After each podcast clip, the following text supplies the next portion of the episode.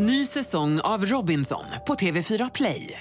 Hetta, storm, hunger. Det har hela tiden varit en kamp. Nu är det blod och tårar. Fan händer just nu. Det. är Detta är inte okej. Robinson 2024, nu fucking kör vi! Streama söndag på TV4 Play. Podplay.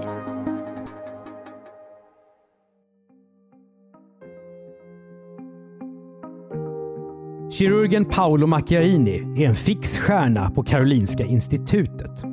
Hans luftstrupar av plast ska rädda livet på svårt sjuka. Men sanningen om världssensationen är nattsvart. Och ännu värre kunde det ha blivit om inte fyra visselblåsare inne på Karolinska slagit larm. En av dem är Karl Henrik Grinnemo. Men han får betala ett högt pris för sitt mod. Det här är Jag var där, en dokumentär från Podplay av Andreas Utterström och Mattias Bergman. Hela säsong 5 finns att höra på Podplay.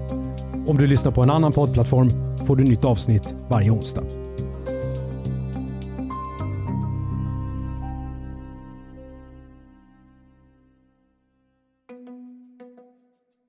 Nej, jag är ingen statusmänniska. Så att ehm, eh, hjälpa människor, absolut. Eh, men det vill jag ju göra genom att skapa nya läkemedel som ehm, eh, skulle hjälpa till att behandla olika typer av sjukdomstillstånd. Nej, det är inte jakten på status som får Karl-Henrik Grinnemo att bli kardiolog, alltså hjärtspecialist. Men karriärist är han, som läkare och forskare på Karolinska institutet och Karolinska sjukhuset. Och miljön är speciell. Eh, I synnerhet inom just hjärtkirurgi, det är ett väldigt begränsat antal platser. Man kan säga att det slåss man ju verkligen om att få, få en plats eh, och position. Så att det är liksom A-personligheter som har samlats där. Kanske inte de här killarna som spelade fotboll i, eller på med gruppidrott på olika sätt, utan det är ju mer en individualister. När man slog samman eh, Karolinska, Huddinge och Solna 2004, då hamnade vi då i, i Solna och där kände man av den här A-personligheten enormt. Och det var mm, riktiga knivhugg i, i, i ryggen där eh, under flera års tid. Eh, allt annat än trevlig stämning eh, initialt. Eh, men där har min fru tagit en väldigt, väldigt stor eh, roll kan man nog säga för och ställt upp för familjen och sett till att barnet, barnen har fått eh, tryggheten så att säga. Jag jobbade väldigt mycket under den här perioden. Eh, tyvärr så gjorde, var det så.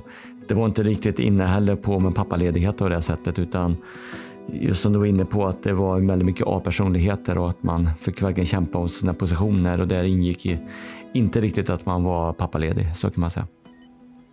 Karl-Henrik Rinnemo forskar om stamceller och om de kan bygga upp hjärtmuskulatur. Det är då han första gången möter den italienska kirurgen Paolo Macchiarini. Vet du vem han är då? Inte en blekaste aning Nej. kan jag säga. Så att, eh, det var egentligen väldigt få som visste vem Paolo Macchiarini var. Det här var ju liksom en person som rekryterades på mycket högre nivå. Den rekryterades av eh, eh, ja, rektorn på Karolinska institutet. Macchiarini blir gästprofessor på Karolinska institutet och överläkare på Karolinska sjukhuset. Han ska alltså både forska och operera. Han hade ju då sedan några år tillbaka tiden fört in eh, just eh, luftstrupar och eh, regenererade bronker då in i klinik i, i Spanien och eh, även hade då samarbeten med många prestigefyllda institut över hela världen. Så att han eh, sågs som en topprekrytering kan man lugnt säga och skulle passa in perfekt i eh, Karolinska institutets ambitioner att bli ett eh, regenerativt center, världsledande regenerativt center helt enkelt. Och det skulle passa bra också med att nya Karolinska sjukhuset eh, byggdes. Eh, då skulle man liksom bli lite grann fjäder i hatten. Så det är en Zlatan som kommer här? Det är absolut en Zlatan som kommer i allra högsta grad. Eh, det. och man banar iväg eh, för Zlatan, den röda mattan kan man nog säga. Vad minns du av ditt första möte med honom? Jag då var jag på en föreläsning som han höll på Karolinska Huddinge. Och det var fullt med folk i den här föreläsarsalen eh, och längst fram satt då eh, professorer, eh, representerar framförallt öron, näsa, halskliniken, men också andra discipliner. Och flera personer från så Nobelkommittén satt med där. Eh, och Paolo själv kom in i eh, skräddarsydd eh, kostym och hade liksom en scarf runt halsen, såg mer konstnärligt lagd ut. Och det var helt såklart en, en superstjärna som stod framme på scenen.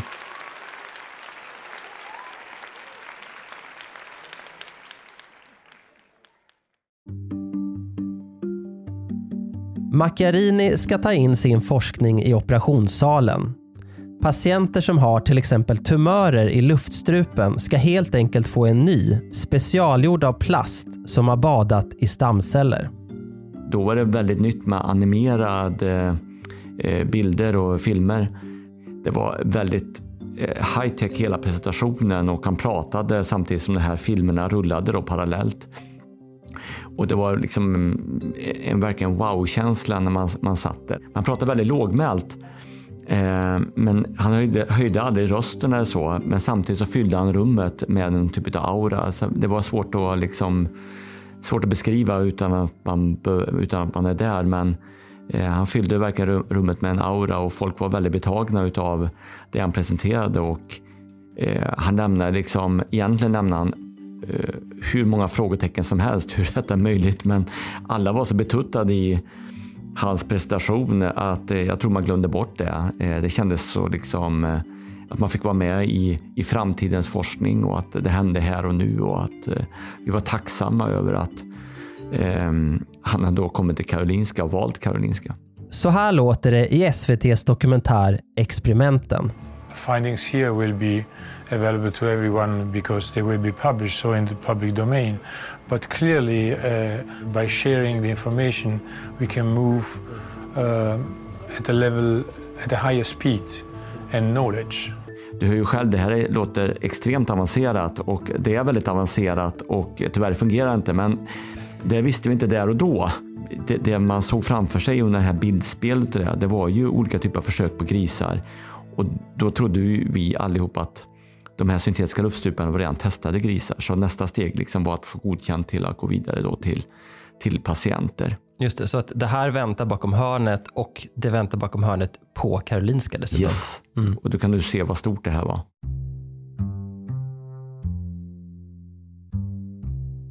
Nu byggs ett labb för Macchiarini och hans team. Och vägg i vägg sitter Karl-Henrik. Bägge sysslar de med stamceller så nu är tanken att de ska dra nytta av varandras forskning. Och där fick jag vara med så att säga, som en, en del i den här organisationen och se på nära håll liksom, hur, hur de jobbade. Hur, hur ofta träffar du honom och, och består ditt goda intryck av honom? Paolo Macchiarini var, eller, han var absolut en globetrotter. Han var sällan närvarande utan Paolo Macchiarini han leddes, styrde sitt labb via telefon. Eh, så han hade då en, eh, en postdoc som hette Philip Jungeblut eh, och det var han som hade liksom den här ehm, den dagliga eh, styrningen av labbet. Han var Paulos hantverkare, liksom, allt i allo som skötte, skötte det hela. Paolo såg man någon gång då och då. Han var bara där eh, som max två dagar i taget. Sen var han iväg och reste och opererade på någon annanstans.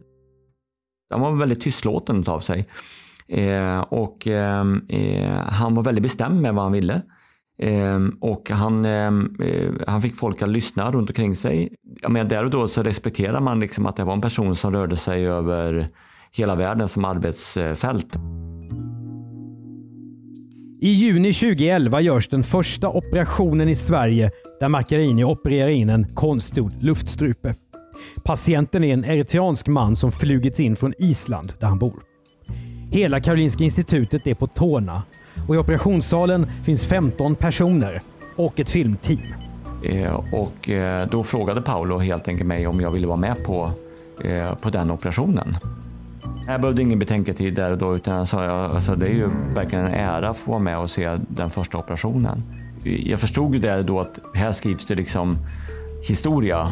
Nästa steg i utvecklingen för att kanske skapa nya organ kommer ske här och nu. Men de var väldigt stressade ska vi veta. De, ehm, eh, den här plasten då som skulle liksom vara självaste byggnadsställningen då för luftstrupen, den skulle då konstrueras i eh, England då och eh, hur ska man kunna transportera över den till Sverige och så vidare. Hur ska man kunna få steriliseringen att funka och så vidare. och så vidare. Så att, Hur var stämningen i operationsrummet sen då den 9 juni? Ja, det var ju en, det var en väldigt speciell stämning därför att eh, Paolo ville ju från början att BBC skulle ta och filma det här. Det var Karolinska väldigt hårda med och sa liksom att all typ av filmning som sker på operationssalar och sånt, det sköts av vårt filmteam. Men, eh, så, eh, så det var Paolo extremt frustrerad över. Eh, han var också extremt eh, eh, orolig över själva operationen och det var flera skäl bakom detta. Den här patienten hade ju då varit opererad tidigare i bröstkorgen. Och det finns ju risk då när man öppnar upp igen för att operera att man kan komma in i ett kärlhål med massiva blödningar som, som följd. Utan då skulle man få hjälp med annat team, med ECMO-teamet, men liksom, de har liksom ingen vana med, med detta. ECMO. En högavancerad maskin som tar över patientens andning och hjärta. Så det var egentligen fel ställe att genomföra operationen på redan från början och det visste Paolo. Så att redan där var det ju spänning. Det andra var ju då att han fick då ta hjälp av operatörer från thoraxkliniken. Eh, och då hade vi då eh, en riktigt skicklig kirurg hos oss som heter Jan Liska eh, som var liksom, eh, väldigt, väldigt skicklig kirurg som skulle då teama upp med Paolo och hjälpa honom eftersom det då var en reoperation här det var en väldigt, eh, man kan säga så, när man började då operera där så var det ju en väldigt, väldigt tryckt, det var väldigt eh, spänning. Ingen vågade säga ett ord kan jag säga i salen för alla var livrädda egentligen för att man skulle komma in i, i något av de stora kärlen när man gick in eh, och att patienten då skulle avlida på bordet. Det hade ju varit en total katastrof för man hade liksom hypat upp det här. Initialt så gick det väldigt bra eh, operationsmässigt men men efter ett tag då så, eh, så blev det problem. Man fick stora blödningar och eh, eh Paolo hade ju svårt att eh, kontrollera sina känslor kan man säga på, på salen. Utan Jan Liska fick ta över väldigt mycket av operationen där, där och då. Så Paolo i princip sydde bara in den här luftstrupen. Alltså han blev stressad eller? Han blev väldigt stressad. Han var så stressad så med att han lämnade operationssalen under en period. Så han klarade helt enkelt inte av att tygla sina känslor där då. Han var för stressad.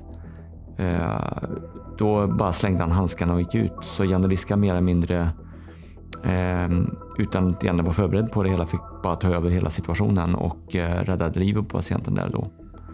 Men hur reagerade du då? För det här, det här är ju eran Zlatan. Ja, alltså det blir en väldigt konstig känsla den personen som ska ju vara den som tar över och behåller lugnet eh, är den som är mest eh, emotionellt engagerad. Och, eh, så det var ju lite konstig känsla kan man nog säga. Så att då är lite grann att han kommer in med svansen mellan benen.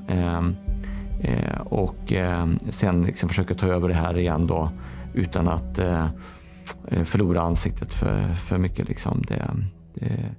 Den här lilla händelsen är en föraning om vad som ska komma för Macchiarini. Men det vet Karl-Henrik Grindemo inte än. Operationen tar nio timmar och lyckas. Medicinhistoria har skrivit. Och efter operationen, hur är stämningen då? Ja, alltså det är ju en, eh, en eufori utan dess like och eh, eh, patienten då tas till intensivvården och väcks upp, väcks upp där då och eh, vi får i uppdrag helt enkelt att åka iväg och handla mat. Så att eh, vi åker iväg till eh, Max och köper hamburgare liksom och kommer tillbaka med, eh, med mat och eh, Paolo kommer då och meddelar att patienten mår bra. Det, det, det är svårt att, att, ta på den glädjen som är där då, för det var ju verkligen känslan om att man fick vara med eh, på någonting helt nytt. Den första plaststrupen är på plats och det ger eko över hela världen Paolo Macchiarini är hjälte och Karolinska institutet ligger i forskningens framkant. Precis som det var tänkt. Året efter, 2012, är det dags för nästa operation. Patienten är en amerikansk man. Och även nu är Karl-Henrik Rinnemo med i operationssalen. Och sen står jag med som en andra assistent på det på det ingreppet. Och vad innebär att vara andra assistent? Andra assistent är, man brukar säga så här, det är att hålla tråden och eh, hålla sugen. Så att det är liksom ingen, det är inte liksom, det står inte och faller på andra assistenten om man säger så. Utan det är ju första assistenten och huvudoperatören, det är de som gör huvud, eh, huvudjobbet. Och lyckas Paolo hålla känslorna i styr den här Ja, gången? den var ju lättare den här operationen då, för det var ingen eh, så kallad reoperation, ingen omoperation, utan patienten hade aldrig tidigare varit opererad i brösthålan då, så det var mycket lättare att genomföra operationen. Och det var en ung, frisk patient i övrigt så att säga. Rent operationstekniskt gick det eh, väldigt bra. Ehm, Och är, är, han, är han en skicklig kirurg av döme av det du kan se? Paolo är väldigt duktig på att genomföra det, den delen i kirurgin som kallas för dissektion, att man fripreparerar eh, organ och strukturer och sånt. Det är han väldigt, väldigt skicklig på, det ska sägas. Däremot är han inte lika vass på att sy och sen faller han på omdömet. Eh, det är svårt att säga utifrån detta att han är den här skickliga kirurgen. Det finns riktigt skickliga kirurger, men han uppfyller inte riktigt det kriteriet. Han är en våghalsig kirurg. Den här andra operationen den betraktas också som, som lyckad när ni är Den färdiga? betraktas, absolut, den betraktas som väldigt lyckad. Eh, och patienten skrivs ut eh, tillbaka till hemlandet då, USA, eh, efter ett par veckor ungefär. Men nu syns de första tecknen på att Macchiarinis metod kanske inte är riktigt fulländad. Några månader efter operationen dör den amerikanska mannen. Karl-Henrik Rinnemo frågar Macchiarinis assistent om vad som har hänt, men får vaga svar. Samtidigt närmar sig en tredje strupoperation. En turkisk tjej. Och den här tjejen, hon, hon bodde ju hemma. Liksom. Hon, eh, hon var eh, väldigt aktiv, hade ett väldigt eh, liksom, stort eh, nätverk med kompisar runt omkring sig. Hon ville bli lärare. Patientfallet har startat med ett litet ingrepp. En handsvetsoperation som misslyckats i Turkiet. Och då remitterade hennes läkare då i Turkiet till Paolo Macchiarini. Och att han skulle göra, göra det vi kallar för en second opinion bedömning helt enkelt. Eh, och då bestämde sig Paolo att han skulle göra en second opinion bedömning genom att titta in i patienten och titta liksom rent fysiskt. Hur stor är den här skadan? Och i samband med den, det ingreppet då så blev så sprack kan man säga luftstrupen och man fick svårt att syresätta patienten och det blev en paniksituation i, under operationen. Så att i syfte då för att rädda patienten så, och komma åt att överhuvudtaget få ner luft då i vänsterlungan så fick man plocka bort högerlungan. Så att här kommer då en patient som åker reguljärflyg som eh, umgås med sina kompisar eh, som eh, blir plötsligt då en eh, intensivvårdspatient som ligger då på eh, hjärt-lungmaskin. För hennes del så var ju skadan kvar i, i luftstrupen och den kunde man liksom inte reparera rakt av. Då bestämde Paolo att hon skulle då få en syntetisk luftstrupe som skulle ersätta, som skulle bota henne då. Är det här den mest riskabla av de här tre skulle du säga? Absolut, Ja, ingen tvekan. ingen tvekan. Nej. Och varför är du inte med på den här operationen? Nej, men jag kände liksom att eh, de- dels var det faktiskt eh, att den här operationen skedde mitt under sommaren. Eh, men det andra var ju det att jag kände att eh, eh, på något sätt sp- spontant inombords att eh, det här var inte rätt väg att gå. Och Karl-Henrik har mer rätt än han anar. Den här patienten fick en massa komplikationer sen efter den här operationen. Hon fick ju de svåraste komplikationer man kan tänka sig. Alltså hon låg alltså över tre år på intensivvårdsavdelningen på, på Karolinska. Över tre år kan jag tänka dig. Hon fick genomgå bortåt 200 öppna operationer efter det här ingreppet. Hade, var på väg att kvävas flera gånger varje dygn. Så man fick göra det vi kallar för bronkoskopier, alltså i vaket tillstånd titta ner och suga rent i luftvägarna. Det fick man göra var fjärde till var sjätte timme. Annars skulle inte hon eh, ha fria luftvägar och kvävas till döds. Och det, liksom, det här var hennes liv. Eh, ett fruktansvärt liv. Karl-Henrik Rinnemo upplever att Macchiarini är undanglidande och inte särskilt intresserad av att hjälpa till. Eh, det är så som jag, Mattias, eh, Oskar Mattias Corbaccio och Oskar Simonsson. och Thomas Fuchs då, eh, Eh, går tillsammans helt enkelt för att hitta möjligheter för att kunna hjälpa den här patienten. Så att det liksom, primärt är det inte på något sätt att vi ska fälla Paolo Macchiarini utan primärt är att vi ska kunna hitta en lösning för den här tjejen. Rädslan, eh, paniken eh, som var där dagligdags och sorgen och frustrationen hos anhöriga till henne. Att då, det är någonting som jag går och bär på varje dag kan jag säga. Eh, jag kan själv vakna på nätterna av att man ser henne, det här lidandet och att man själv inte kan få luft. Eh, och eh, det är någonting som har fortfarande kvar. Vi börjar inse att saker och ting inte stod rätt till. Och vad hittar ni när ni börjar fördjupa er? Eh, till att börja med, Paolo, han är ju liksom, det är väldigt mycket prestige i det här. Så att han vill liksom inte riktigt befatta sig med den här patienten. Han tycker liksom att det är vi som har förstört hans storverk. Och vi tar ju kontakt med olika typer av transplantationscentra i världen, men det här inser vi att det här är väldigt känsligt.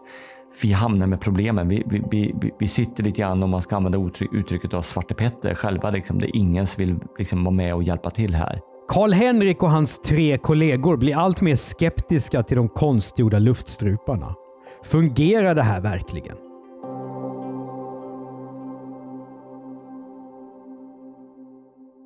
Ny säsong av Robinson på TV4 Play. Hetta, storm, hunger. Det har hela tiden varit en kamp. Nu är det blod och tårar. Fan händer just det. Det är detta inte okej. Okay. Robinson 2024, nu fucking kör vi! Streama söndag på TV4 Play. Ett poddtips från Podplay. I podden Något Kaiko garanterar östgötarna Brutti och jag, Davva, dig en stor dos skratt. Där följer jag pladask för köttätandet igen. Man är lite som en jävla vampyr. Man har fått lite blodsmak och då måste man ha mer. Udda spaningar, fängslande anekdoter och en och annan arg rant. Jag måste ha mitt kaffe på morgonen för annars är jag ingen trevlig människa. Då är du ingen trevlig människa, punkt. Något kajko, hör du på podplay. Därför. Oskar Simonsson då, han har då eh, hjälpt eh, Paulus grupp att göra implantation av de här plastluftstruparna i, i råttor nu. Och han såg då att de här råttorna mådde inget bra. Eh, de fick en kraftig inflammatorisk reaktion. Och ehm, eh, detta tillsammans med vad vi ser nu hos eh, den här turkiska tjejen nu gör att vi börjar liksom bli mer och mer misstänksamma och säga, men är det inte ändå de här plastrufsstrupen ändå som orsakar alla de här komplikationerna med infektionsgångar, att det faller samman och så vidare. Att det inte är faktiskt vi som har åsamkat de här problemen. Vågar ni prata om det öppet på jobbet? Nej, nej det gör vi inte. Utan, ehm, eh, det vågar man inte säga högt. Utan vi sitter liksom vi fyra och... Men, men vad har hänt egentligen? Vad, vad finns det för någon, någon evidens då för att de här plastluftstruparna verkligen fungerar? Då pratar jag med, frågar jag Paolo helt enkelt om eh, eh hur det har gått egentligen med, vad är hans erfarenhet i Ryssland? För han håller ju även på i Ryssland med de här plastluftstruparna. Du, sen, du har ingenting med det här att göra. Då förstår man ju ännu mer att det här det, det är någonting lurt här bakom det här. Samarbetsklimatet är ju eh, i bottenläge kan man lugnt säga. Men ni sitter fortfarande på delat kontor där? Ja, eh, vi gör det. Det är lite kärvt. Den som går emot den rådande sanningen är jobbig. Särskilt om sanningen bygger på prestige och förhoppningar. Nu står Karl-Henrik Grinnemo och hans kollegor mot en mycket stark övermakt. Men de får stopp på Macchiarini. Ledningen på Karolinska institutet bestämmer att det är färdigopererat med plaststrupar. Utåt sett handlar det om samarbetsproblem. Och visst, de finns också. Karl-Henrik går på möte med Macchiarini för att diskutera hur de ska dela upp forskningspengar. Men jag ser ju att Paolo är allt annat än glad eh, när han kommer till mötet. Eh, jätteirriterad. Eh, han eh, talar om, eh, börjar med att tala om hur värdelösa eh, alla vi är på thoraxkliniken, hur värdelösa Karolinska är, eh, hur värdelös jag är, hur värdelös eh, forskargrupperna är. Inga pengar skulle fördelas överhuvudtaget. Men då kunde jag inte hålla mig utan eh, eh, då började jag ställa eh, de här obekväma frågorna kring de syntetiska luftstruparna, hur det verkligen låg till. Och då blev han mer eller mindre, han blev verkligen fullkomligt rasande. Och eh, reste sig upp och bara sa att jag ska göra ditt liv till ett jävla helvete, rent sagt sa han. Och så gick han från det mötet. Man kan säga att, då att det bestämde vi oss där och då att eh, nu måste vi gräva, i, gräva ner oss i hur fungerar det här med syntetiska luftstrupar? Vad finns det för evidens? Vad finns det för andra alternativ? Hur, hur ser det ut? Karl-Henrik Grinnemo och de tre kollegorna bestämmer sig. De ska gå till botten med frågan Fungerar det verkligen med konstgjorda luftstrupar? Eh, det, det, vi var rädda för och det som vi visste var ju det att vi ville ju liksom sköta detta så, så snyggt som möjligt. Därför vi visste att om detta om det är så att vi går på, för det blir ju en attack mot en kollega. Den personen kommer uppfatta det som en frontalattack. Karolinska institutet kommer uppleva detta som en frontalattack av oss. Eh, så därför visste vi att vi måste ha väldigt mycket på fötterna innan vi lämnar in en anmälan eller innan vi, vi, vi anmäler dem. Dels var vi väldigt rädda för reaktionen hos Karolinska institutet och det kunde jag kan säga ligga sömnlös över. Eh, och eh, dels var jag väldigt eh, rädd för att vi inte skulle få, att man skulle sätta käppar i hjulet för oss, att vi inte skulle kunna få slutföra vår granskning så att vi blev liksom stoppade på vägen och att därför vi, vi fick aldrig liksom eh, komma till tals på, på ett korrekt sätt. Så att säga. Det, det var vi livrädda för. De lägger nästan ett halvår på att lusläsa vetenskapliga rapporter. Kvällar, helger, semestrar. Vi är väldigt systematiska när vi går igenom eh, litteraturen och när vi går igenom sen då journalgranskningen. Det kan låta lite rått men alltså, vi, vi bestämde oss väldigt tidigt för att vi får inte bli emotionella. Eh, utan vi, vi, vi måste vara fokuserade på, på konkret vad det är som ligger bakom eh, de här problemen. Eh, även om vi ser att vi har en patient som lider varje dag så får vi inte bli för emotionella för det kommer att störa vårt fokus. Ni kan inte prata om det här på jobbet. Nej. Och ni, ni kan inte använda jobbmailen naturligtvis. Vi skapade ju mailadresser som gjorde att liksom, som kopplade till andra mailadresser så att det liksom blev flera led. Så att det inte var bara rakt av att man kunde hitta att det var vi som, eh, som stod bakom den mailadressen till att börja med. Och nummer ett. Vi använde alltid olika typer av alias eh, när vi kommunicerade med varandra via mailen så att ingen använde liksom, respektive namn. Paolo fick heta Paolo. Han fick heta Paolo, ja, han fick men- heta Paolo ja. men eh, vi andra hade olika typer av eh, aliasnamn så att säga. Då. Så att, eh, jag heter Sune exempelvis och så vidare. Så att, syftet är ju dels att stoppa implantationen av syntetiska luftstrupar, plastluftstrupar eh, tills dess att man vet eh, om det är de som orsakar de här komplikationerna eller inte. Eh, och det andra är då för att hjälpa den turkiska tjejen. Då. Här och då, vi har egentligen ingenting emot Paolo i sig. Eh, han är en svår person att jobba med. Han, han vill bara skylla ifrån sig eh, på alla andra att det är deras fel, det är de som orsakar komplikationerna för honom. Vi ser att patienter far illa på grund av, troligtvis på grund av de här syntetiska luftstruparna och att det helt och hållet är relaterat till dem. Samtidigt som vi vet att Paolo planerar genomföra en stor klinisk studie i eh, Europa. Han har fått EU-anslag för detta. Och det är ett hundratal patienter som är planerade in i den här studien. Och vi kan liksom bara liksom se med fasa på vilka komplikationer som är på väg att få, hur, vilket lidande patienterna. Det är nästan tortyrliknande former som det, det är så fruktansvärt så att det, det är det som vårt fokus ligger på. Berättar du någonting för din fru om vad du gör för något? Ja, absolut. Eh, Hon tycker självklart att det är det man måste göra så att säga. Så att det är väldigt mycket jobb som vi alla lägger ner. De granskar en kollega. Det är en minst sagt obekväm situation. Ett detektivarbete som måste bedrivas i det fördolda. I slutet av 2013 där vi insåg att eh, då hade vi liksom hunnit gått igenom litteraturen, det som fanns publicerat. Att använda syntetiska luftstruparna, det vill säga att det fanns noll evidens att använda eh, dem. Det fanns ju inga djurförsök, ingenting. Så då informerar vi eh, våran eh, Eh, verksamhetschef och frågar honom om lov. Får vi gå igenom journalerna på de här patienterna? Den första patienten, den ska isländska mannen, han kommer tillbaka till Karolinska Huddinge. Och Thomas Fuchs blir kontaktad av läkare på Huddinge angående den patienten. Och det man ser hos den patienten också, det är ju att han har fått massa komplikationer. Eh, liknande komplikationer som den turkiska tjejen. Då faller bitarna väldigt tydligt på plats att det här är ju liksom ingenting som, som stämmer. Nu har de fyra samlat sina bevis. De finner inga vetenskapliga belägg för att Paolo Macchiarinis hyllade operationer hjälper patienterna. Men även om Karl-Henrik Grinnemo och hans tre kollegor försöker jobba under radarn är de avslöjade. Och den värsta tiden, den väntar bakom hörnet. Ett poddtips från Podplay. I fallen jag aldrig glömmer djupdyker Hasse Aro i arbetet bakom några av Sveriges mest uppseendeväckande brottsutredningar. Går vi in med hemlig telefonavlyssning och, och då upplever vi att vi får en total förändring av hans beteende. Vad är det som händer nu? Vem är det som läcker? Och så säger han att jag är kriminell, jag har varit kriminell i hela mitt liv men att mörda ett barn, där går min gräns. Nya säsongen av Fallen jag aldrig glömmer på Podplay.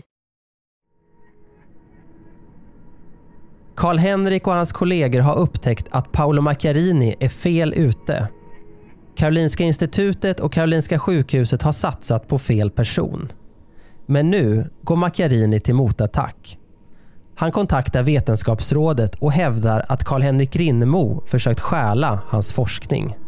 Så jag bara kände där och då att allting bara försvann för mig. Eh, liksom energin försvann. Eh, jag kände det fanns liksom ingenting egentligen kvar. Eh, att jag inte ramlar ihop där och då, det, det, det, det förstår jag inte riktigt eh, faktiskt här och nu. Men, Eh, men hur är julen då? Alltså, vad, vad, är du, vad är du för skick? Vad- Hemskt, vad- hemskt skick. Jag är hemma hos mina föräldrar då, min familj. Liksom, vi åkte hem till mina föräldrar och eh, Eh, jag berättar för dem vad som inträffat. Eh, det, eh, och jag säger liksom att eh, jag är mindre helt död här och nu. Eh, jag får fundera på vad jag kan, eh, vad jag kan göra. Eh, jag vet inte riktigt eh, vem, vem jag kan lita på. Jag vet inte vem som stödjer mig. Jag vet ingenting. Där och då så känns det som att hela världen har ramlat, ramlat samman för mig. Jag är extremt ner och deprimerad. Karl-Henrik Rinnemo berättar att han får Vetenskapsrådets ordförande på sin sida. Men han minns också att ordförande säger “Du har hela Karolinska institutet emot dig”. Efter julledigheten kallar rektorn Anders Hamsten, alltså en av dem som har rekryterat Macchiarini, till ett nytt möte. Kanske ska ledningen lyssna den här gången. de närmaste företrädarna till Paolo Macchiarini var med på det mötet. Du kan se på dem att de tycker det här är väldigt obekvämt och skruva på sig. Och då säger jag att ni måste utreda det här. Och detta skett på olagligt sätt. Men Grinnemo ger inte upp. Han försöker förgäves få teamet kring Macchiarini att gå till botten med vad som har hänt. Och Karolinskas ledning vill inte ta tag i frågan. Eh, eh, den minen man ser hos dem, den är inte liksom positiv. Karl-Henrik berättar vad han och de andra tre nu vet om luftstruparna. Att det som Macchiarini har skrivit i en artikel i den ansedda medicinska tidskriften The Lancet inte stämmer. Att patienternas journaler talar ett annat språk än den version som Macchiarinis team har givit av resultaten. Karl-Henrik Rinnemo visar nio sidor med underbyggd kritik. Men han får inget stöd i rummet. Om ni vill gå vidare med en oredlighetsanmälan får ni lämna in detta formellt. Och eh, jag kan säga då blev vi, eh, vi kokade av ilska då kan man säga. Och då sa vi då nu jäklar. Eh, nu ska ni få känna på.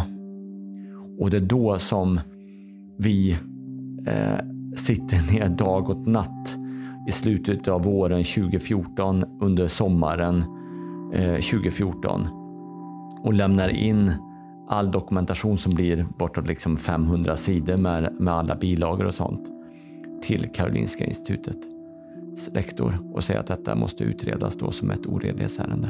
Så då är den inlämnad formellt? Då är den formellt inlämnad. Vad tänker du och hur har ni diskuterat kring vad detta kan få för konsekvenser för er? Jag har ju hamnat i den situationen att eh, det är fullt kan man säga då, krig mellan mig och Paolo Macchiarini eh, i den här anmälan. Karolinska institutet har redan bestämt vilken sida de ska stå på. Och detta gäller även då de andra personerna. De blir ju liksom alla, alla vi visselblåsarna, vi blir liksom hopklumpade som en och samma individ och det är uppenbart då att eh, vi har liksom ingen återvändo där och då utan då måste vi eh, löpa linan ut och eh, driva det här. Eh, det är väldigt tufft att vinna det här caset, så kan man nog säga. Men vi får inte förlora. Vi får inte förlora, för då förlorar vi allt. När vi började larma till dem och de fick faktiskt hårddata på att det här inte fungerar. Att i det läget totalblunda för eh, det vi säger eh, och försöka rädda då Paolo Macchiarini och då Karolinska institutet framförallt, för det är det man gör. Det, de är, lojaliteten ligger på Karolinska institutet. Man vill rädda deras varumärke. Eh, det man gör det är att man sätter nya patienters liv eh, på spel och lidande inte minst. Hade du vågat göra den här anmälan och löpa linan ut om du hade varit ensam och inte haft tre kollegor med dig? Aldrig. Men det hade ingen av oss vågat. Utan eh, det här byggde på att vi alla fyra var helt och hållet överens och därför var vi jättenoggranna med då som nu att eh, inte bli ovänner med varandra. Vi ska alltid ha ett gemensamt konsensusbeslut. Alltså att det är inte så att det var majoritetsbeslut, liksom räcka upp handen över någonting, utan alla ska vara överens. Och, och var ni det eller fanns det några slitningar i, i Ja, vi hade ju olika åsikter om många saker givetvis, men vi, vi hade också liksom långa diskussioner där vi försökte titta på olika aspekter på det hela. Så att till slut, alltså varje gång så kom vi fram till en konsensus, alltså att hur vi skulle agera. Visselblåsare brukar ha en räddningsplanka, att gå till medierna. På det sättet har allt från svenska vårdskandaler till Watergate avslöjats. Men Karl-Henrik Grinnemor och de andra tycker att risken är för stor. Ämnet är krångligt och kräver specialistkunskaper. Och om journalisten skulle manipuleras av Macchiarinis karisma, då faller allt. Så det är den formella vägen som gäller. Så det var ett, jätte, alltså det var ett jättejobb kan jag säga. Det, alltså det var ett enormt jobb. Men det är något slags Google Docs då som ni skriver i och alla kan vara inne och skriva? Eller hur går, Nej, utan vi skrev som ett barn. Alltså grejen var den att vi vågar inte ha någon sån typ av program, liksom, ett levande program. Liksom. Eh, kan säga, här är vi fullt paranoida. All, all kommunikation skedde via de här hemliga mejlen och att vi ringde. Och när ni lämnar in den här anmälan då, vad tänker du ska hända då? Ja, herregud. Jag, jag kände så här att vi var i Mattias Kobaccios rum faktiskt och vi höll var och en den här lådan med eh, hela dokumentationen där. Och, um, det var liksom en full box liksom med, med papper. Och utanpå så var det tejpat liksom en USB-sticka liksom med eh, eh, de här bronkoskopiundersökningarna där man tittar ner för att visa liksom, det, som också var då preparerade och angivna så att det enkelt skulle kunna gå att följa. Så var det en av oss lät bli fotograferad liksom när vi skulle lämna över det här och det var liksom väldigt stort. För att det ska vända för lag Grinnemo måste Karolinska erkänna att Macchiarinis operationer var ett misstag. Nu tänker de att deras anmälan ska landa som en bomb. Eh, och då kände vi liksom, jag kände spontant liksom att nu, nu lämnar vi över en atombomb helt enkelt till, till Karolinska institutet. Nu jäklar kommer det att smälla. Så det var helt tyst. Alltså det var till och med att jag fick mejla till, eh, till Karolinska institutet då, eh, och höra om de har mottagit vår anmälan. Men ingenting hände. Vad göra? De lämnar in en anmälan också till centrala etikprövningsnämnden och till Läkemedelsverket som faktiskt gör en polisanmälan mot Macchiarini som gäller brott mot läkemedelslagen. Men från Karolinska är det fortfarande knäpptyst. Ända fram till att det i november kommer en artikel då i New York Times. Och hur är det ni som har tipsat New York Times? Indirekt. Jag skulle säga att det, det var liksom en artikel som, som var skriven liksom att det kanske möjligtvis fanns någon typ av vendetta situation mellan oss och Paolo. Men det fanns många olika grejer. Ja, den är ganska nyanserad. Den är, ja, absolut. Då blir jäklar i mig fart kan jag tala om för dig. Eh, alltså New York Times eh, skriver ju då att de börjar ifrågasätta Paolo Maccarinis resultat. Dagen är på blev jag inkallad till min verksamhetschef. Det var en spänd situation där och då kan man säga. Eh, det kan ju betraktas då som att ni eh, faktiskt arbetar mot verksamheten och ehm, det är ju något som ni får fundera över. Så, mm. Inte hot utan bara så att det är något som ni får fundera över. Mm. Mm. Även om det hade varit jag eh, som hade gått till New York Times så tror jag inte att New York Times någonsin skulle röja sin källa för vilka vill röja, sig, röja då information till New York Times i fortsättningen. Det låter ju helt vansinnigt sa jag. Det låter helt absurt i mina ögon sa eh, så att, eh, men det är inte jag som har eh, röjt till New York Times och det var inte jag som hade röjt till New York Times heller. Samtidigt med detta, dagen därpå sen, efter det här mötet jag haft med verksamhetscheferna, då annonserar ju då eh, rektorn på Karolinska institutet att nu startar man då den här utredningen om oredlighet kring Paolo Macchiarini. Varför måste det vara en artikel i New York Times för att man liksom ska få eh, ändan ur vagnen liksom och, och dra igång den här utredningen? Varför gjorde man inte det med en gång? Ja, där ser man. Karl-Henrik Rinnemo och hans kollegor har undvikit medierna. Men tack vare världens mest prestigefyllda dagstidning får de nu lite medvind. Samtidigt gör professor Bengt Gerdin nu en oberoende utredning av Macchiarinis framfart. Och han fäller ju alla sju arbetena som vi har anmält då i vår anmälan totalt. Och han ger oss då rätt. Men samtidigt säger han till Karolinska institutet, det här är forskningsförfalskning, oredlighet i forskning. Och det måste ni fälla Paolo för. Men det gör de inte. Nej. Och det är då den 28 augusti som eh, rektorn på Karolinska institutet ska offentliggöra då det här beslutet. Det är bara eh, speciellt inbjudna personer som ska eh, få vara där och det är bara mediapersoner som får vara där. Och dagen innan den här eh, pressträffen då så skickar då säkerhetsavdelningen på Karolinska institutet ett mejl till vår verksamhetschef där han specifikt frågar om eh, vår verksamhetschef har koll på oss. Eh, och eh, så att inte vi kommer att storma den här pressträffen. Karl-Henrik Grinnemo är ett tydligt exempel på vad som kan hända den som slår larm inifrån och blir visselblåsare. Dolda hinder läggs ut. Öppna repressalier. Utfrysning. Tänker ni inte då att den här arbetsgivaren kan man inte ha? Så tänker vi. Ja. Absolut. Alla fyra? Alla fyra tänker så. Jag har kört på Karolinska institutet, jag har kört på Karolinska sjukhuset. De kommer göra allt vad de kan för att göra livet ett helsike för mig. Och jag vill inte hamna där.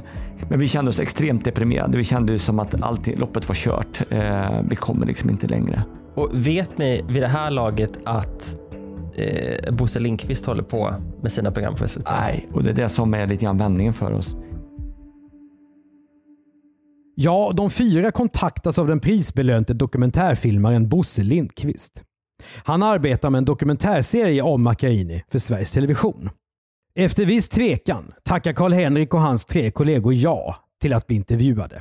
Jag känner ju till Bosse Lindqvist. Han, alltså man, jag har ju sett flera dokumentärer av honom så att jag tyckte liksom att han var en väldigt, väldigt duktig person. Så att, och Det blev också lite grann som en terapi faktiskt, att man fick eh, prata av sig. Eh, det var första gången vi pratade av oss på riktigt. Intervjun klar, bara att vänta på sändning. Men innan dokumentären visas i SVT händer något annat. Det amerikanska magasinet Vanity Fair publicerar en lång artikel om Paolo Macchiarini. Och den handlar inte om luftstrupar av plast, utan om Macchiarinis lika spektakulära privatliv. Och så, alltså, Kalle, du kommer inte tro det här. Det här är inte sant. Alltså, alltså, det är en artikel om Paolo Macchiarini. Den, den, den är inte sann, sa han. Det är helt otroligt. Och jag läste den där om och om och om igen. Jag tänkte, vad är det här? Hela, hela hans privatliv alltså. Hur han förfört NBC-reporten. Eh, hur han har manipulerat och påven skulle viga honom och jag menar eh, att han skulle gå med på skilsmässa och att han var personliga läkaren och Obama och Putin skulle vara bjuda båda två till bröllop vad jag kommer ihåg. Alltså det var ju inte sant. För oss passar det här jättebra för det, det, det verkligen sätter ner foten och talar om vad Paolo är för, för person. Och med den här artikeln så blir det ganska uppenbart att Paolo är extremt manipulativ och, eh, och hur han lyckas med hela den här storyn och, och eh, och du vet, det här gick ju som en löpeld på Karolinska. Alla pratade om den här sen. Alltså. Det här gjorde ju också det här liksom att eh, nu börjar man även ifrågasätta lite grann omdömet hos Karolinska institutet. Så att säga. Kände de till det här och så vidare. Och så vidare va? Och sen kom ju Bosses dokumentär då. Och en dryg vecka senare sänder SVT Bosse Lindqvists dokumentär Experimenten i tre delar. Det är januari 2016. Jag slog snabbt av hur lite berörd Paolo verkar vara av anklagelserna som riktades mot honom. Det var som om de bara var lite grus i maskineriet. Macchiarini var på väg mot något mycket större. Jag är fruktansvärt nervös för jag visste inte om det skulle vändas emot oss eh, ytterligare och att vi då helt och hållet skulle bli totalt pulveriserade. För det var ju den rädslan som fanns. Eh, och vi, vi, vi, vi, sa att vi har telefonen liksom på under programmet så vi direkt kan liksom mässa och ringa varandra liksom, och liksom stötta varandra hur vi ska agera om det här är mot oss. Det verkade som att de tidigt bestämt sig för att metoden måste växa fram på operationsbordet och att man därför struntar i att testa metoden så grundligt som man ofta gör innan människor utsätts för nya farliga behandlingsmetoder.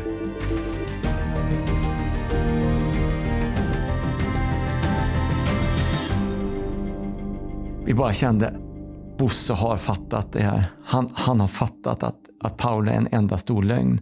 Bosse Lindqvist har följt Macchiarini runt om i världen och det han har sett är hårresande. En kvinna i Ryssland övertalas att få en konstgjord luftstrupe inopererad. Hon avlider senare. Liksom alla tre patienter som Macchiarini opererat på Karolinska och som vi berättat om tidigare. Två av dem hade inte behövt några nya luftstrupar överhuvudtaget, visar dokumentären. Var det mycket i programmen som du inte kände till? Ja, vi kände till något av det här med det som hände i Ryssland. Ingenting, jag hade ingen aning om det överhuvudtaget. Var det något, något särskilt som gjorde extra intryck på dig av, av det som är med i programmet? Den ryska kvinnan som eh, fick hela sitt liv förstört eh, med den syntetiska luftstrupen utan att få hjälp. Eh, och sättet som hon fick, eh, blev liksom övertalad till operationen eh, sättet som Paolo Macchiarini tilltalar henne och första gången han, han träffar henne där han påtalar vad vacker hon är. Eh, alltså det vrider sig i magen på en. I, i SVT-dokumentären då säger den belgiska forskaren mm. att han hellre skulle välja, välja arkebusering mm. framför att själv få en syntetisk luftstrupe mm. inopererad. Ja. Skulle du också det? Ja, därför att det blir en snabb död. Eh, det här andra är en tortyr under många års tid. Mm. Skandalen blir en enorm prestigeförlust för Karolinska. Alltså, internationellt skrattar man åt Karolinska institutet idag. Man tycker att de, eh, de har agerat fullständigt felaktigt. Och när man säger att man är på Karolinska institutet, ja, skrattar de, ja, ja, ja, kan man lita på er? De har förstört sitt eget rykte genom att agera som de har gjort. SVT-dokumentären blir spiken i kistan för Macchiarinis framfart i Sverige. Så småningom kommer rektorn Anders Hamsten, liksom flera andra i Karolinska institutets ledning, att avgå. Och Paolo Macchiarini han åtalas efter många turer för tre fall av grov misshandel. Tidigast våren 2022 blir det förhandling i Solna tingsrätt. Jag känner ingen glädje av att sätta Paolo Macchiarini bakom lås och bom eller sådana saker, inte det minsta. Däremot så är jag väldigt tacksam för att vi gjorde det jobbet här och nu och att vi stoppade de syntetiska luftstruparna. Och det är liksom det är det som var syftet med alltihop. Kommer du gå på rättegången? Absolut. Och vad händer om du springer på Paolo Macchiarini i korridoren? Nej, men jag kommer inte att säga någonting utan eh, det... Inte hälsa, ingenting? Nej. Tror du att han innerst inne vet att han har gjort fel? Eh, Paolo Macchiarini är helt övertygad, eh, är min åsikt i alla fall, om att eh, de här syntetiska luftstruparna, att de fungerar. Och att det var bara en tidsfråga om man hade låtit honom få fortsätta, att han hade löst eh, problematiken. Eh, så att ehm, jag tror inte att Paolo eh, e-, egentligen innerst inne inser att han har gjort någonting fel. Eh, han ser sig själv så stor att han står, står liksom över allt och alla det är svårt, då, han är liksom inte självkritisk Paolo överhuvudtaget utan han eh, ser sig själv som snarast Gud. Men det här är inte en historia med lyckligt slut. Och heller inte främst en berättelse om Paolo Macchiarini. Utan om vad det kan kosta att vara den som slår larm inifrån. Var det värt priset för Karl-Henrik Rinnemo? Vi hamnade i en situation där jag blev tvungen att eh, att bli visselblåsare. Eh, annars hade jag ångrat hela livet att jag inte vågade. Eh, jag hade inte kunnat se mig själv i spegeln. Ehm, däremot är det ingen dröm att vara visselblåsare kan jag säga. Jag kan inte råda någon att tycka liksom att det bästa vore om man slapp att vara visselblåsare, men ibland så måste man. Och vi visste att priset skulle vara högt, men vi visste inte riktigt att det skulle vara så här högt pris faktiskt. Ehm, det var värre än vad vi kunde genomskåda där och då. Men skulle du säga att du var deprimerad när det här var som jobbigast? i allra högsta grad. Man ville avsluta livet, att det inte fanns någon mening med saker och ting och sånt. Jag gjorde aldrig något försök till att ta livet och sånt, men när jag menade, det fanns ju alltid tankar om det. Om det, och det man, för det, det fanns inget slut på det. Det kändes som att det blev bara värre och värre och värre. Och värre. Eh, och, ja, det var fruktansvärt, kort sagt. Det kändes som att alla var emot den där och då. Vad fick du betala för pris privat? Jag var ju en person som nog var ganska eh, jobbig att ha att göra med hemma. Jag, alltså, eh, Paolo Macchiarini, Paolo Macchiarini-ärendet, eh, allting kretsar kring det. Tyvärr fick ju min familj klä väldigt hårt skott för detta. Det är inte så himla lätt för framförallt barnen då när det skrivs negativt som mina föräldrar och min bror så att säga. Liksom, då var ju, eftersom det är ovanligt namn så finns det inte så många. Så att där jag kommer ifrån då, eh, Karlstad, Kil så att säga, det är ju liksom eh, alla vet lite grann nu vem Grinnemo är så att säga. Så att, eh, så att det varit tufft även för dem. Du har ju sagt att du skulle vilja ha en ursäkt. Mm. Av vem och varför? Karolinska institutet, samtidigt som man dömer Paolo Macchiarini, eh, så dömer man även eh, oss. Eh, mig, Oscar och eh, Mattias Corbaccio. Det handlar om några vetenskapliga artiklar som de har skrivit under tillsammans med Paolo Macchiarini. Och enda anledningen till att man gör det, det är därför att man vill eh, tala om för alla andra på Karolinska institutet att gör inte om en sån här sak som de här fyra har gjort. För då kommer ni att bli straffade. Vad ska till i en miljö som den på Karolinska institutet för att en person som Paolo Macchiarini inte ska kunna göra något liknande i framtiden? Det är ju så att i slutna miljöer, det är där personer som Paolo Macchiarini trivs bäst. Eh, man måste få till en öppen, öppen kultur där folk vågar tala om att saker och ting inte fungerar och att eh, de personer som vågar larma om detta eh, inte blir totalt pulveriserade som man har försökt göra med oss. Ehm, vi överlevde tack vare att vi eh, hade en annan eh, utbildning också, att vi var specialister inom en annan disciplin, en klinisk disciplin. Så Karolinska institutet kunde inte eh, attackera oss fullt ut. 2016 lämnar Karl-Henrik Rinnemo Karolinska. Idag är han överläkare och professor i thoraxkirurgi på Akademiska sjukhuset i Uppsala. Hur skulle du säga att allt det här som vi pratar om nu, hur har det påverkat dig som ett yrkesman och två människa? Det kanske låter väldigt, väldigt konstigt detta, men allt det här har gjort mig till en betydligt starkare person. Eh, och eh, jag är idag inte rädd att eh, ställa chefer och sånt till svars. Som yrkesperson så känner jag en enormt mycket större ödmjukhet inför vad jag kan klara av och förväntas klara av jag har blivit en bättre person att samarbeta med, eh, med, med andra personer eh, och eh, man, man tar hjälp och ifråga, frågar om hjälp i högre grad än vad man gjorde faktiskt förr när man försökte visa sig lite grann på styva linan. Jobbet är inte på samma sätt livsavgörande.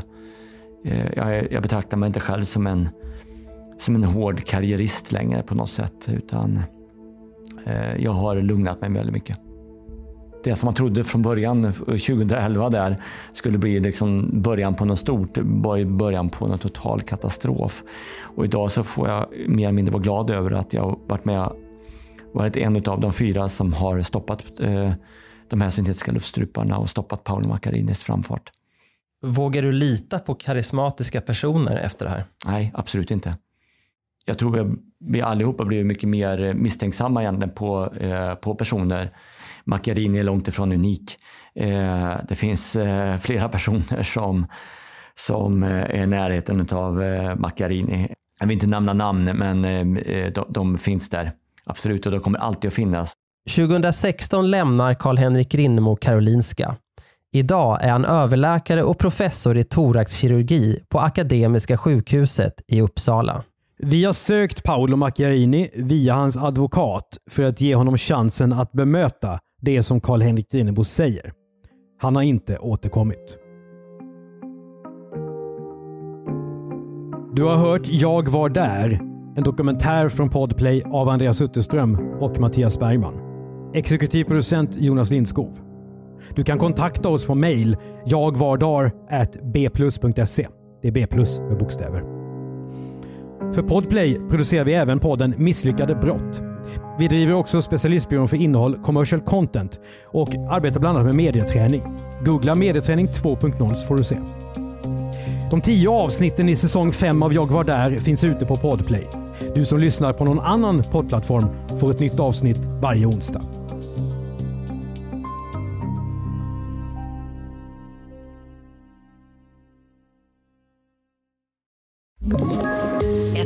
Poddtips från Podplay. I fallen jag aldrig glömmer djupdyker Hasse Aro i arbetet bakom några av Sveriges mest uppseendeväckande brottsutredningar. Går vi in med hemlig telefonavlyssning och, och då upplever vi att vi får en total förändring av hans beteende. Vad är det som händer nu? Vem är det som läcker? Och så säger han att jag är kriminell, jag har varit kriminell i hela mitt liv men att mörda ett barn, där går min gräns. Nya säsongen av Fallen jag aldrig glömmer på Podplay.